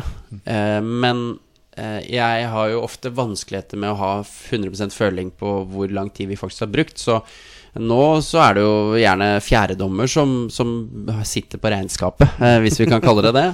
Og, så det er jo sparring med vedkommende som, eh, som avgjør eh, tilleggstiden. Eh, men det er på en måte du som hoveddommer som har siste ord i saken. Og så nå vil jo være, gjerne være en AVAR, da, altså assisterende videodommer, som kanskje fører et uh, ekstraregnskap fra, fra VAR-rommet. Tar det du, stoppeklokka. tar du nøyaktig 30 sekunder på per bytte, sånn uansett, eller Nei, ikke, ikke uansett. Altså Hvis byttet er sånn tålelig normalt, så sier jeg 30 sekunder. Men hvis det på en måte Det er litt sånn spillere som bevisst trenerer litt, og så, så legger jeg gjerne til ett minutt for det byttet, da. Selv om eh, kjørereglene er 30 sekunder. Det er så artig å se Unnskyld, Jonny, at jeg avbryter deg, men at du skulle til å prate, men det er så artig å se når, når, når spillere drøyer, De leder 1-0, og så drøyer de tiden med å gå ut, og så kommer dommeren joggende ved siden av. Sånn derre hva, hva sier du? Har, du? har du opplevd en sånn situasjon? Liksom, ok, nå må du Ja, og få farta deg her. ja, flere ganger. Og, og ofte så, så hører de jo på deg. Eh, Og da vinner du jo den duellen. Eh, Men de gangene du ikke vinner den duellen, så ser det jo veldig dumt ut. Eh, Så, så det handler jo om å kanskje calle litt når er det fornuftig å gjøre det og ikke. Fordi du ser jo ut som en klovn, ikke sant. Når du liksom prøver å pushe, og så gir han fullstendig pokker i deg, og så ender det at du må liksom gi han et gult kort, da, som blir helt sånn unødvendig, istedenfor at ok, la han heller bruke den tiden, da, og så da legger vi til heller et minutt, da. Og så mm. styrer vi ikke noe mer med han tullingen. Bare spørsmål. Unnskyld igjen. du sa jo Ja, at du var stille. da det der, ja, ja. bare legg ned. Det blir Kveldsnytt før vi er ferdige. Eh, men uh, det med gult kort. Uh, hvis det er en hen-situasjon du ikke ser, blir anbefalt å gå til VAR, du går til VAR, dømmer straffe. Er du da nødt til å gi gult kort til vedkommende som henser? Nei. Fordi at det, det ser jeg veldig ofte Nå er spansk fotball noe annet, da. Der er du oppe med kortet før du balla treffer i hånda. Men der er du veldig oppe, oppe med kortet med en gang. Hvis, hvis det er en hendesituasjon, da, så får du gult kort hele tida. Altså, er det noe Hvorfor det? Der er jo regelen sånn at hvis det er et skudd mot mål, og øh, den ballen går i hånda eller blokkeres med hånda, eller, så, så er det automatisk gult kort. Eh, men hvis det på en måte er bare en vanlig hens i feltet, uten at den ballen er på en måte heades eller skytes mot mål, så skal ikke det være gult. Nei. Da. For det er, eh, bare, det, er- det er bare det jeg reagerer litt på noen altså Forskjell på engelsk og, fot, eh, og norsk, eller kanskje norsk da, og, og spansk fotball. Ja, nei, men Petter har et spørsmål. Ja, men når vi først var inne på hens, vi må jo ta det. Eh, vi, hadde den, vi hadde situasjonen her. Eh, HamKam eh, start i treningskamp. Markus Sandberg rødt kort henser utafor 16-meteren. Eh, danske HamKam-treneren i harnisk, da, fordi de har jo betalt masse penger for å dra dit og spille 11 mot 11. Men ja, dommer i rødt, og HamKam må spille med ti mann. Har dere Altså, er dere nødt til å gi rødt kort i sånne situasjoner? Kan ikke de bare få bytte inn en spiller og spille 11 mot 11, da? Ja, godt spørsmål. Eh, Så kan vi også dra det inn i VAR-verden, da, eventuelt. Nei, men men eh, det som er vanskelig i den situasjonen, er at eh, det er keeper som kommer ut. Og det har vi ikke vært innom heller med VAR. Altså Hva er det VAR faktisk skal brukes til? Altså Det er fire situasjoner. Altså Det er straffespark, det er røde kort, det er alle mål, og det er uh, uh, mistaken identity. Altså det er, det er meg og, og, sånne ord. Da. Det er mye lettere å si på engelsk. Men altså, hvis, du, hvis jeg gir uh, gult kort til nummer ni, men det var nummer seks som taklet, så kan VAR gå inn og rette på det. Og i denne situasjonen her så er det jo vanskelig, fordi keeper kommer ut, og så henser og så Det er jo ikke noe straffespark, ikke sant? Så eneste måten eventuelt at VAR skal gripe inn her, er jo det at det er et rødkortsituasjon. Så si dommer hadde gitt gult her, så kunne VAR eventuelt grepet inn hvis VAR mente at det var åpenbart feil å gi gult. Og Da er jo spørsmålet eh, som vi kan stille oss heller, var det åpenbart feil eh, å gi eventuelt da rødt? Altså skulle det vært gult kort, eller hadde det vært åpenbart feil å gi gult? Og skulle det vært eh, ja, rødt? Jeg tenker jo den teknisk riktige avgjørelsen er rødt kort. Eh, sånn, eh, og, men hadde dommer gitt gult, så kan det godt hende at det hadde vært mulig å vurdere det dit hen at hmm, kanskje det ikke er åpenbart feil å gi eh, gult. Men den riktige avgjørelsen i situasjonen syns jeg er rødt. Og at eh, lagene da må spille 10 mot 11, er jo egentlig lagenes problem.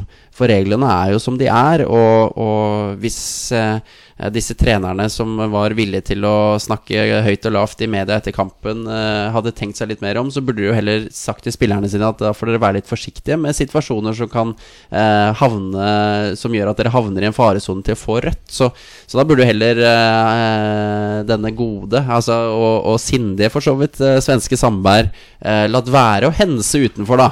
Eh, så, så ville vi vært foruten dette problemet. Og så kan Start se på det som en mulighet til å øve på 11 mot 10. Ja. Eller HamKam se på det som en mulighet til å øve på 10 mot 10. For det kommer til å skje i løpet av Ja, yes. ja, klart det. Ja.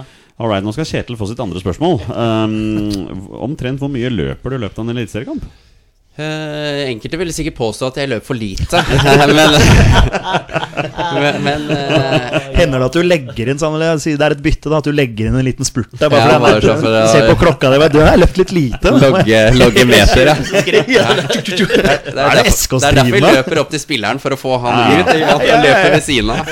Du får honorar basert på antall Ja. meter du løper. ja, ja. Det, er, det er riktig. Nei, altså Det er jo også veldig individuelt. Men jeg tror jo sånn eh, Det vil ligge gjerne mellom eh, en mil og 1,2. Et sånn snitt rundt der, tenker jeg. Så merker ikke noen stor forskjell på VM-kvalik og eliteserie. Eh, nei, eh, det er relativt likt. Ja. Eh, den største forskjellen på kampene, eh, gjerne inne og ute, eh, kommer litt an på kampen òg, men er jo gjerne tempo i kampen, og ikke nødvendigvis eh, meterne du løper, men hvor raskt du løper de meterne du skal løpe. Eh, så, så der fikk jeg en aha-opplevelse, og når jeg hadde den Champions League-matchen, at eh, med, med Leipzig mot, eh, mot Celtic og det var jo liksom to lag som begge egentlig ville ta hverandre på kontringer. Så det var liksom bare Det var jo et uh, hardkjør fra første blås i fløyta, og det spesielt uh, Leipzig har jo noen uh, spillere som er eh, sånn som han Nkunku og sånn der. Altså, det var bare du måtte jo bare lukke øya og løpe hver gang han fikk ballen. Altså, for det var, gikk så ekstremt fort. Så det, det merker jeg som største forskjellen da, på de beste kampene ute kontra Eliteserien. At, at spillet går mye fortere. Og så er, men så er det faktisk stor forskjell på kunstgress og gress her hjemme òg. Altså, fotballen er jo annerledes. Så, så, så det gjør jo at du på en måte må bevege og tenke litt annerledes. Da, og da kommer vi litt sånn inn på spilleforståelse og sånn, som vi har så dårlig av, eh, følge de fleste. Men, men, eh, men at vi snitter på rundt sånn mil eh, til 1,2, det tenker jeg er sånn ja. gjengs. Vi, vi skal ikke ha noen kunstgress versus gress- gressdebatt eh, nå. Gress, faktisk. Gress. Eh, Jørn Henland lurer på Hvis du skal gi tilsnakk, f.eks. kort til en spiller som ikke forstår norsk eller engelsk, Ja. hvordan løser du det? Eh, ja, det er et veldig godt spørsmål, eh, for det, det tar jeg litt sånn on the fly eh, noen ganger. Det, ja. Jeg har jo på en måte mine strategier rundt det, men, men noen ganger så, så Ja, nå senest på, i Marbella så dømte jeg jo Sarpsborg mot et lag fra Sør-Korea. Og der er det jo engelsknivået Eller heller labert, det. heller labert. Eh, og da handler det jo på en måte om å likevel prøve å gjøre seg forstått. Eh, så det handler egentlig ikke om så mye hva du sier, men kanskje hvordan du uttrykker deg eh, i enkelte situasjoner. Så forstår de. altså sånn Har de taklet, og du har lyst til å gi dem et tilsnakk hvor du til en norsk spiller ville sagt at nå må du på en måte roe deg ned, neste gang ryker du. Så trenger du ikke Det er egentlig samme hva du sier, men du må på en måte bare se han i øya og se litt strengt ut, og så skjønner han at det er eh, Arigato-opplegg. så, så han skjønner jo eh, opplegget. Så jeg tror jo For fotballen er veldig sånn universell, så, så har de taklet stygt, og du har lyst til å snakke med en spiller, så forstår han at nå kommer han til å fortelle meg at jeg må ta det med ro. Eh, så det har ikke så mye å si, men eh, det er jo eh, Det er jo igjen viktig egentlig bare å ha en strategi på det. Eh, og så må du, er det jo viktig å vite hvem, hvilke spillere du faktisk kan prate med, og hvem du må bruke kanskje mer kroppsspråk. Så, så der ligger mer forberedelsene, da. Hvem er det du kan eh, befriende? eh, og som er viktig å få på laget. For det er, no, det er nøkkelspillere som Hvis du får de på laget, så hjelper de deg gjennom kampen. Og, og motsatt fall, får du, mister du de, så drar de jo resten av laget med seg mot deg. Så, så, så det går, forberedelsene går mye på det. Så det var ikke noe no look-gule kort til en sørkoreaner eller noe sånt? Nei, jeg har uh, lagt uh, no-looken på hylla. Ja, det var det, ja. Omsider, kan man ja. Vi har to spørsmål til. Minoli uh, med selvfølgelig det spørsmålet alle lurer på. Vil VAR fungere når det snør?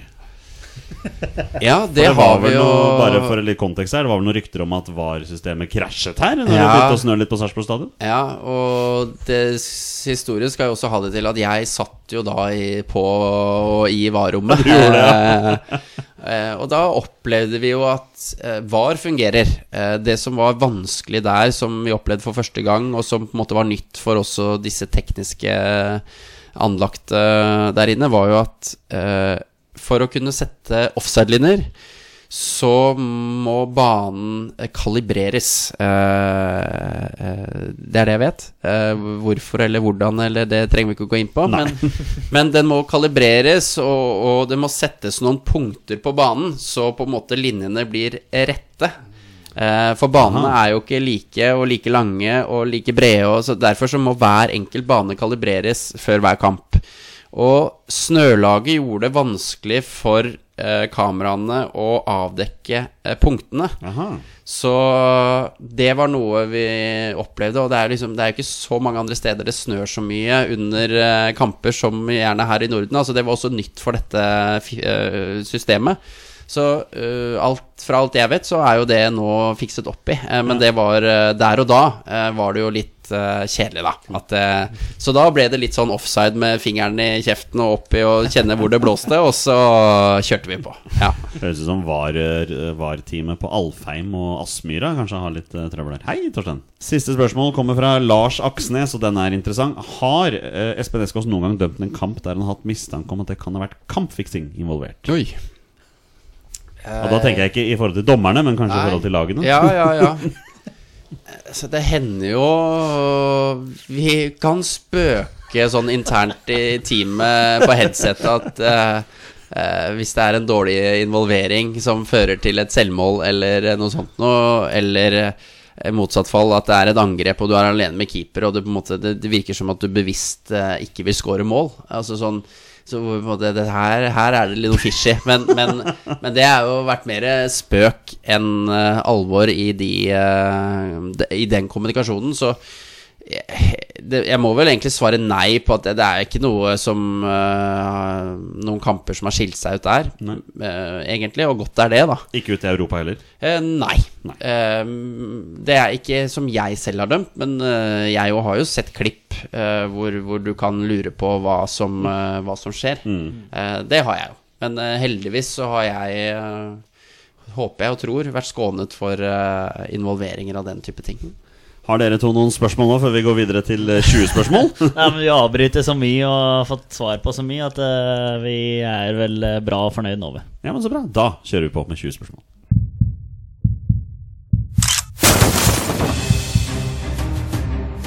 Er han nåværende landslagsspiller? Er han utenlandsproff? Er han fortsatt aktiv? Er han back? Har han spilt for Rosenborg? Mine damer og herrer, det er nå tid for 20 Vi avslutter som vi pleier med en runde med 20 spørsmål. Eh, Petter, Torstein og dagens gjest Espen Eskås har 20 ja- og nei-spørsmål på å finne fram til spilleren jeg har funnet fram, og det er da en spiller som har minst én A-landskamp for Norge. Bonusregelen her i Våre bestemenn er at når de gjetter navnet på spilleren, er det, det er spillet over, og de har vunnet eller tapt. Ble litt grann kluss der. Du pleier å være så god på ja, det Ja, jeg vet det. jeg vet det. Kanskje du bare skal spille det inn og så bare spille det samme hver gang? litt fordi det kommer en veldig kul twist nå. du, du, du gleder deg litt? Jeg har gleda meg litt, for, for, for dette er gøy. Fordi dagens twist følger med et hint. Dagens twist er ett posisjonsspørsmål. Hintet er dette er en spiller Espen Eskås har gitt rødt kort. Og det liker jeg. Vær så god. Og det er det Martin Andresen? Oi, nå har du allerede Gutter, Eskås har ikke dømt Martin, vet du. Har du det? jeg kan, jeg kan si så mye at jeg har vært inne og sett på statistikken. Eh, Espen Eskås har gitt ganske mange røde kort i løpet av sin eh, karriere, faktisk. Jeg skulle til å si Har jeg gitt så mange røde Ja, kort? du, har- du, du har det. Du er med, flere enn du tror. Ok, så Eskås har gitt rødt kort. Da er det jo eh, først og fremst tenker sånn eh, Skal man finne tidsepoke her, holdt jeg på å si? Altså når Ja. mellom et eller annet? Det er det første jeg tenker. Også selvfølgelig om man er Det beste, er, aktiv. det beste er nå at jeg ser det, Ja, det jeg- går i hodet til Espen Ja, ja, ja. Jeg prøver jo å summere opp her. eh, både spillere som jeg da har gitt rødt, men som også da eh, har eh, vært så heldige å spille med flagget på brystet. Den er fin. Ja, den er fin. da får dere bare kjøre i gang, boys. Ja, Ja, ja, ja, ja, ja. det, så, det var en morsom twist, ja. Ja, veldig artig. twist. tenker, sitter bare og tenker på Slatko Tripic her nå. Eh, ja, men jeg, jeg tror faktisk ikke jeg har gitt han rødt kort. jeg. Nei, han bare, han bare Han, han, slår si, meg som si et sånn, han skulle sikkert hatt det et par kamper jeg hadde. Høres ut som vi er på opptak nå. Ok, Ja. ok. ehm, Hva veit dere, gutter? eh, vi vet ingenting. Vi vet at eh, Espen Eskås har gitt denne spilleren her rødt kort. men, eh, Eh. Er han fortsatt aktiv? Ja. Fortsatt aktiv. Ja. Så han spiller fortsatt. Når begynte du å dømme eliteserie, eller har du dømt tippeliga nå? Eh, nei, eh, det har jeg vel Når var det det gikk fra tippeliga til eliteserie? Og det har vi vært innom før. Eh, Det kan jeg finne ut kjapt. hvis Når var det det var, da? Strømsgodset vant tippeligaen. Ja, det gjorde de. Ja, Ja. ikke sant? Men, jo, det var 2013. Ja. Så Men det, jeg debuterte jo i 15, så jeg mener det hadde blitt eliteserie da. Altså. Ja. 2017 var første gangen det ble eliteserie. Ah, ja. Så Ja, da- du da har du tippeliga. noen tippeliga der, Men da kan vi spørre om det, da. Om han fikk rødt kort i tippeligaen eller i Men så er jo spørsmålet jeg bare, Ja, ja. Fordi jeg har en sånn liten fornemmelse av hvem det kan være. Ok. Eh, Men så, så vi må ikke kanskje se oss blindt på uh, Jeg har nok dømt vedkommende også kanskje i uh, Eliteserien eller Tippeligaen, men det kan hende at uh, vedkommende fikk kort i uh, Adeccoligaen. Ja, Men, det er spennende. eh, Ja, men si spilleren. Bare si spilleren. Bare Eh, sånn Nei, for men vi, vi kan okay, vi, ok, vi, vi, vi leker litt, da. Det, vi- liksom, vi- leker Jeg har den som en joker. Ok, ok, greit, jeg har ok. den som Ja. Men hvis du er så trygg på at du vet hvem den er, så må du la dem spille litt, da. Ja, La ja, dem ja, få lov til å spille litt. Grann. greit. Men ha, har, denne spilleren mottatt dette røde kortet fra SKs i øverste divisjon i Norge? Nei. Ikke sant, der har du det. Så han har fått det i Obos eller Adecco, da. Som Ja. Du, ja, ok. Ok. Greit. Men uh, skal vi prøve å finne sesong, eller? Altså, vi er jo veldig på sporet her nå, da. Ja, Hvis er- også Espen Espen sitter og tenker på en spiller her. Men hvis det ga mer mening nå, så er det vi spiller 20 spørsmål Espen Espen, Espen Esko ser på. Ja, men det kan jo være litt morsomt. Kanskje, Ja, ja. kanskje han bare skal sette seg tilbake og slappe av litt, så han veit hvem det er. Så kan dere prøve å finne dere fram til hvem det er. Oi, oi, Det var litt opp til deg, da, Ja, jo, jo, men eh, jeg kan jo jeg, jeg, måte, jeg skal ikke kaste dette ut med en gang. Men eh, dere kan jo Vi, begynne vi å kan jobbe prøve litt. å jobbe litt, da. Ok, men han er fortsatt aktiv. Kortet ble delt ut i eh, førstedivisjon. Uh, spørsmålet er jo om han her er aktiv i øverste divisjon nå, eller om han er aktiv nede. Mm. Hva tenker du? Skal vi gå dit? Ja, det syns jeg vi skal gå. Det er Er denne spilleren uh, Spiller han i Eliteserien nå? Nei. Ok, Så han er fortsatt nede. Ja, men han kan eh, være et hakk til lenger ned òg. Ja, men vi må finne ut av det. Ja, Jeg, spill, jeg har nå innsett uh, at Espen veit hvem det er snakk om. Ja, ok, ok, ja, okay. Så du er ute av spillet nå, Espen. Be- Beklager. Beklager. sendt hjem fra okay. eh, VBMs Er det greit for deg? Ja, ja, ja, ja. Men det må jo, det må jo være en ny rekord at Uh, At jeg catcha denne spilleren før vi egentlig satte i Ja, du, gang er, Ja, du, du, du, imponerer Men, eh, der. ja. Ja. Det er sterkt. Ja. Men eh, spiller denne spilleren i Obos-ligaen nå? Nei. Nei. Ok, Så vi skal ned til Post Nord. Ja, det skal vi. Ok, der har vi Lyn. Ja, jeg, jeg havner der neste sesong, tror jeg, så da kan jeg følge med i andredivisjon da. Ok, Post Nord består av Det er to avdelinger, er det ikke det? Eller åssen er Jo, jo, jo, jo. Jo. To avdelinger. Herregud, jeg følger ikke med. Vålinga 2 Ullkis er der. Vålinga 2 er jo der, selvfølgelig. Prøver å tenke hvem de har møtt. Eh, nå gikk jo Vegard Forhen, har jo gått derfra. Ja. Han spilte jo i treff. Eh, og så har vi ett posisjonsspørsmål. Og dette kortet ble også delt ut i førstedivisjon. Ja, For hvilken klubb, da? Men i hvilken sesong? Åh, fy fader. Jeg tror kanskje Espen skal få lov til å stille spørsmål. Kanskje hvis det kan hjelpe dere litt. Ja, for, ok, Så han er fortsatt aktiv i Post Nord. Jeg aner ikke hvilke lag som er i Post Nord. Det er eh, Jeg kan ikke nok. Er eh, Er liksom Sokolovskij fortsatt aktiv nede i Post Nord? Kan jeg bare eh, få stille spørsmål? Har jeg sagt at denne spilleren er aktiv i PostNord? Nei. Nei. Nei, bare sånn for det virker som dere har tatt det for gitt Ja, ja, at han er aktiv i PostNord. Hvorfor For spilleren er fortsatt aktiv? Ja, og, Ja. og, og ja, for han kan være aktiv i utlandet. det- det det, Nei. Ja, for vi har ikke spurt om Norge. han- Dere har bare spurt om han er aktiv. Ja. Ja, for vi har ikke spurt om Norge. Nei. Nei, der kan du se. Jeg bare nevner det, altså. Ja, ja, ja, vi, vi, vi liksom holdt oss i Ja, vi Norge. ble veldig låst, vi der. Herregud. Ja, ok. Ja, nei, men det er jo et uh, veldig fint hint, kanskje. Så han er så- eh, aktiv i Skandinavia. Hvis han hadde spilt i Obos-ligaen, han kan ikke være så superproff. Uh, Han har fått rødt i Obos slash Adecco. Spiller denne spilleren i en klubb i Skandinavia? Nei. Nei, hvor skal vi igjen da, Torsegutt? Nei, vi, Glesne, vi har jo Glesnes, eh, men har han en landskamp ennå? Nei, han har jo ikke det, for vi tok jo alt ut han på landslag uten landskamper, skal jeg si. Um, Europa. Så vi må starte digert, og så snevre oss innover. Ja, vi kan godt det. Ja. Kan gå på topp fem nasjoner nasjoner også, bare sånn for å utelukke eventuelt. Spiller han i eh, enten Frankrike eller Ja, jo, jo, men det, Jo, jo, blir- det, blir, jo, det blir jo Frankrike, Spania, England, Tyskland, Italia. Ja. Ja. Spiller han i toppdivisjon i en av de landene? Ja. Ja, Ok. ok, hvem har vi her, er, da? det er så gøy. Espen veit så godt hvem dette her er. Ja, det vet ikke vi. Han er fortsatt aktiv, så han kan jo potensielt uh, være, ha vært Men med i Hvem er det vi har? Vi har uh, Ayer. Start. Kan han ha fått rødt kort her? Det kan han absolutt ha fått. Ja, Absolutt. Som en unggutt. Absolutt. Uh, Moi, nei.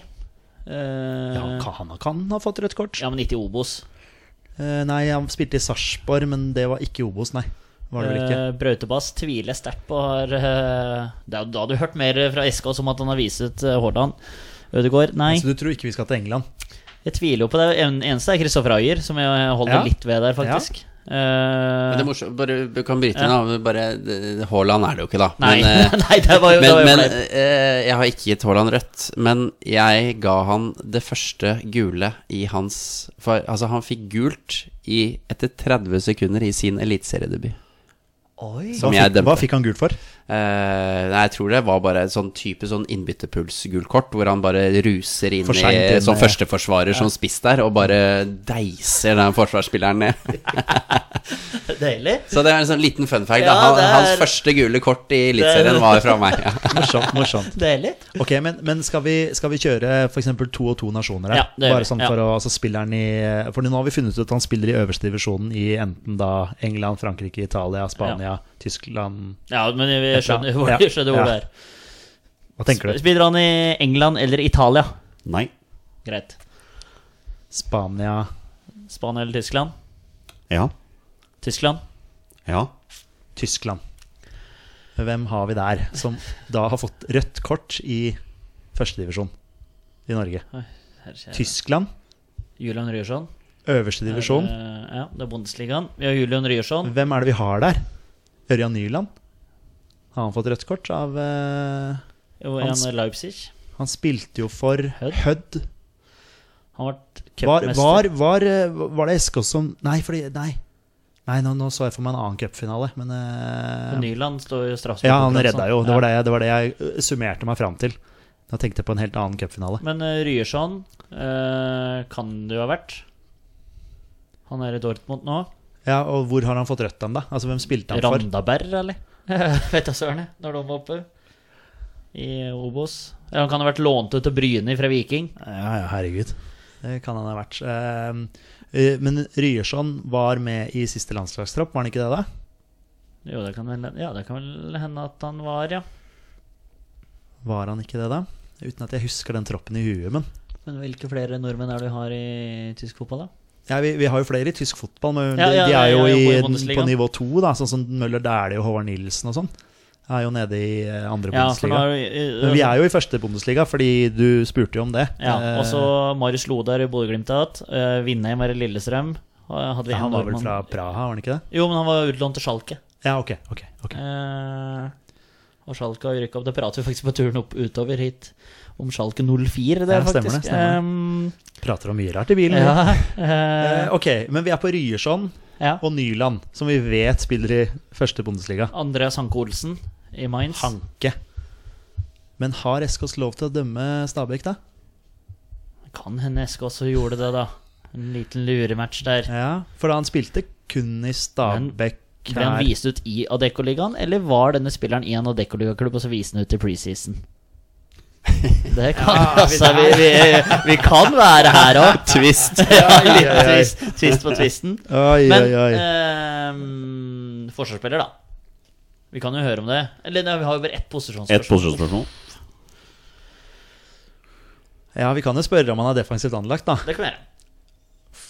Eh, Er denne spilleren defensivt anlagt, Olsen? Altså eh, forsvar-keeper? Vil du svare på det, Espen? Ja.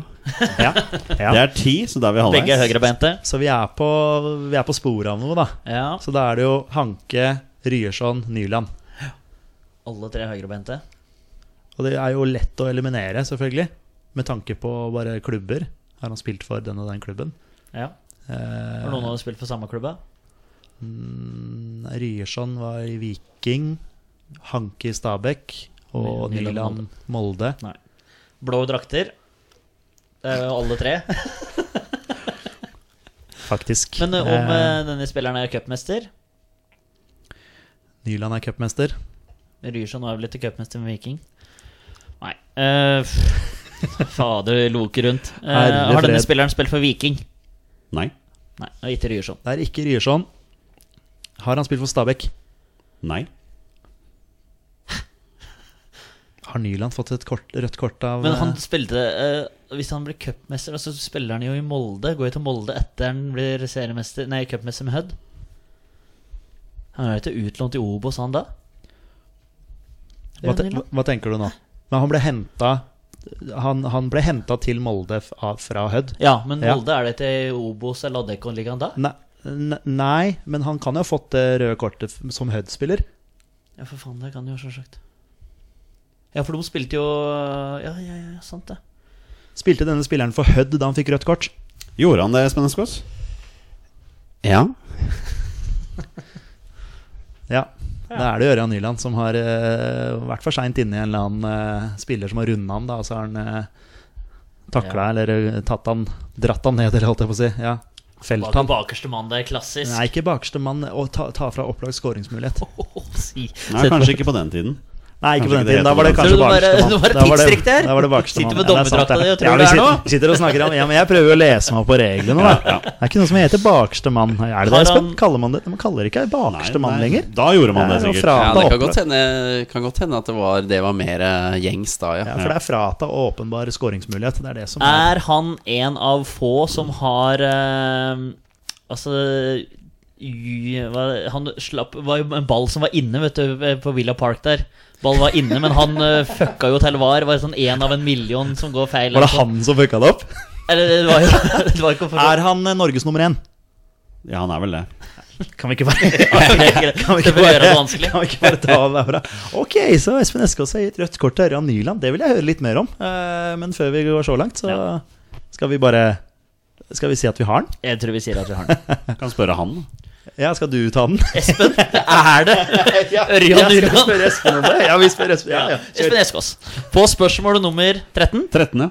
er det Ørjan Hårskjold Nyland. Da skal jeg svare eh, som Jonny. Eh, Gutter. det er Ørjan Horsson. Ja, den var mer tricky enn han eh, trengte å være, tror jeg. Og da er mitt eh, spørsmål til deg, eh, Espen Eskås. Um, skal vi se her. Søndag eh, 8. mai 2012 på Hødvoll i kampen mellom Hødd og Alta. Gamle Hødvold på gressbanen. Ja, var det Hødd og 14 minutter ute i kampen. Hva skjedde? Ja, nei eh, Var jo inne på noe, da, eh, med målsjanse her. Eh, Hvis jeg husker riktig, så tror jeg det var Altså Hødd var, var jo et bedre lag enn Alta også på den tiden, så de styrte jo matchen. Og så ble det vel en kontring. Eh, om det var eh, den eh, klassiske Alta-spilleren Thomas Nikolaisen, eller hva han het, som eh, Han spilte eneste spiss. ja, ja, som eh, kom igjennom der. Er 2012, altså. Det er bra. Ja. Så jeg tipper det var han som ble tatt, jeg, av øh, Nyland. Eh, det var lite protester, husker jeg òg, så han tok av seg hanskene sine og tars, tuslet bort i, i garderoben. Veit du hvor mange røde kort du delte til hele karrieren din? Oh, det hadde jeg faktisk Ja. her nå. Ja. Eh, Det kan jeg lete opp litt, men jeg må bare ta litt av den kampen her. Altså. Ja, gjør det, for jeg er sånn spent. Hvem var det som kom inn for Nyland da? Altså, eller for Nyland. Altså, de måtte jo bytte ut en annen spiller, selvfølgelig, men de måtte jo sette inn en keeper, mener jeg. Ja, det måtte de. Eh, Jeg tror nok ikke det var så veldig populært at eh, Fredrik Aursnes måtte byttes ut Ja. eh, for Hødd i den kampen her. Ja. Og sette inn på Jan Urke. Så han kom inn der. Eh, Legenden. Ja, men kampen ender jo 1-1. Eh, fordi Hødd tar jo faktisk ledelsen i det 32. minutt ved. Pål Altså, André, de, ved altså, Pål Urke redder, Helland. stra eh, Ur- Urke redder straffa? Han gjør jo tydeligvis Eller? det, da. Ja, ja, han må jo gjøre det, eller skyter utafor. Ja, akkurat det husker jeg. Hæ, husker du ikke det? For det har jo ikke noe med meg å gjøre, ikke sant? så det, det glemmer jeg jo. Ja, nei, nei. Eh, men Sjølopptatt, ass. sy syv minutter før slutt utligner Alta ved Jesper Tørnquist. Ja, riktig. Så det, men altså bare se det Hødd-laget her. Altså, det er liksom, du har Sivert Helte Nilsen, Pål André Hedeland, Fredrik Aursnes, Fredrik Klokk. og i legenden. midtforsvaret der eh, Ålesund-legenden. Ja, ja. Hakim Latifu på, på høyre bekk. Og på benken Viktor Grodås, Christian Mork, Michael Karlsen kom inn for Hødd. I, I den eh, kampen her. Um, og så liksom for Alta um, Men er dette, Ove er dette cupfinalelaget til eh, Hødd? Altså, er det, Ja, det er- det er det, det året, året de, de går vant til cupfinalen. Ja, Ja, ja. For et lag de hadde, altså. Ja, ja, Så var- Nyland vant jo cupen tre år på rad. Ett år for Hødd og to år for Molde. Stemmer. Ja. Uh, men dette er jo faktisk ikke den eneste eh, tidligere norske landslagsspilleren du gir rødt kort i den sesongen. Oi. Fordi Pål Anders Kirkevold Er det han Pål Pål Pål Ja. Kirkevold? Ja, ja. For Mjøndalen i bortekamp mot Randaberg, kan det stemme? Riktig. Han fikk også rødt kort. Ja. Og da var det ikke Ja, for å den- for frata å si sånn, åpenbar den- skåringsmulighet. Den hadde jeg ikke tatt. Altså, hvis, Nei, den... hvis, det, hvis, det, hvis du hadde valgt han, så hadde jeg jo ikke tatt den i det hele tatt. Det sto mellom de to. Ja. Uh, jeg har også sett at du også ga rødt kort til Yao Amankwa sesongen etter for Ja. Sandefjord. Riktig. Borte mot Brann. Oi! Han ble utvist på sin egen hjemmebane, lurer på si. om det var der, kan det stemme? Jo, men det var vel også en sånn situasjon hvor uh, du har da spiller som uh, passerer han, uh, og det Ja. Vi, Jo er jo kjempegutt. Altså, han eh, kjenner jeg jo godt, men eh, Noe fart, men, men, men rask er han ikke, eh, og det vet han godt selv. Så det Fantastisk. Ja, dette var gøy. Litt sånn uh, memory i, lane. Ifølge Transfermarkt, der jeg har tatt fra, så har du dømt 309 kamper i 22 forskjellige uh, turneringer. Oi. Og du har gitt 15 røde kort. Ja. Så det er ikke så innmari mange. Nei, nei. Men her står det også at du har dømt 93 Obos-ligakamper og 142 eliteseriekamper. Ja. Det kan vel stemme greit, ja det? sånn, sånn ish. Ja, Ja. sånn ish. Men du har jaggu meg dømt i finsk en kamp i finsk Ykkönen også. ja. Se her. Ja da. ja. Her har det vært, her, Jeg husker det. her har det vært mye rart. Herlig. Ja, jeg har vært litt rundt omkring. Du må, må spare litt av neste pod òg. Ja, spørsmålet er jo nå hvor mange røde kort dømme gir han i løpet av den sesongen ja, som kommer nå. altså, statistikk. Eller hvor mange røde kort blir omgjort av VAR. Åh, er vel, eh, ja, ja, ja. Jeg tipper to. Boys, det er på tide å runde av. Espen Eskås, det har vært en, nok en gang en stor fornøyelse å ha deg her. Eh, Lærerikt. altså. Veldig. Ja, veldig lærerikt. Enormt stor pris på mm. Litt kjedelig for deg at du tok 20 spørsmål så innmari fort, men takk for at du var tålmodig. Ja. Hva var det som gjorde at du tok den? Nei, det, det var det som slo meg, fordi jeg husker situasjonen fortsatt godt. Ja. Eh, og jeg tror, skal jeg være dønn ærlig, så eh, var jeg litt dårlig den dagen der. Altså okay. eh, det kan hende altså Jeg vet ikke, men så jeg husker liksom hele kampen godt. Og, og at det skjedde så tidlig, var liksom bare med på å, å gjøre at den kampen har brent seg litt i Ja. inna. Men når du fikk det hint fra meg, jeg så jo hjernen din bare begynte å spinne. Ja, ja, ja. sånn, jeg hvem, begynte, ja, hvem kan dette her være? det er liksom så. Peter, har du hatt det bra? Jeg har storkost meg, som alltid når Espen er på besøk. Torstein, vi må prøve å sørge for at det ikke går fire uker til neste gang du sitter i denne stolen. Ja, det er, vi får til det. Vi får til det. Så lenge jeg skal, jeg skal til Milano med et par måneder, men det, det fikser vi. Ja, ja, men jeg skal til Bahamas om en måned. liksom, Bahamas! Liksom, er, eh, Ja, du skal på bryllupsreise. Ja, ja, ja, ja. Tusen takk til alle som hører på. Dere er fantastiske mennesker. Vi er våre bestemenn. Heia Norge. Heia Norge! Heia Norge! Heia Norge. Og hei!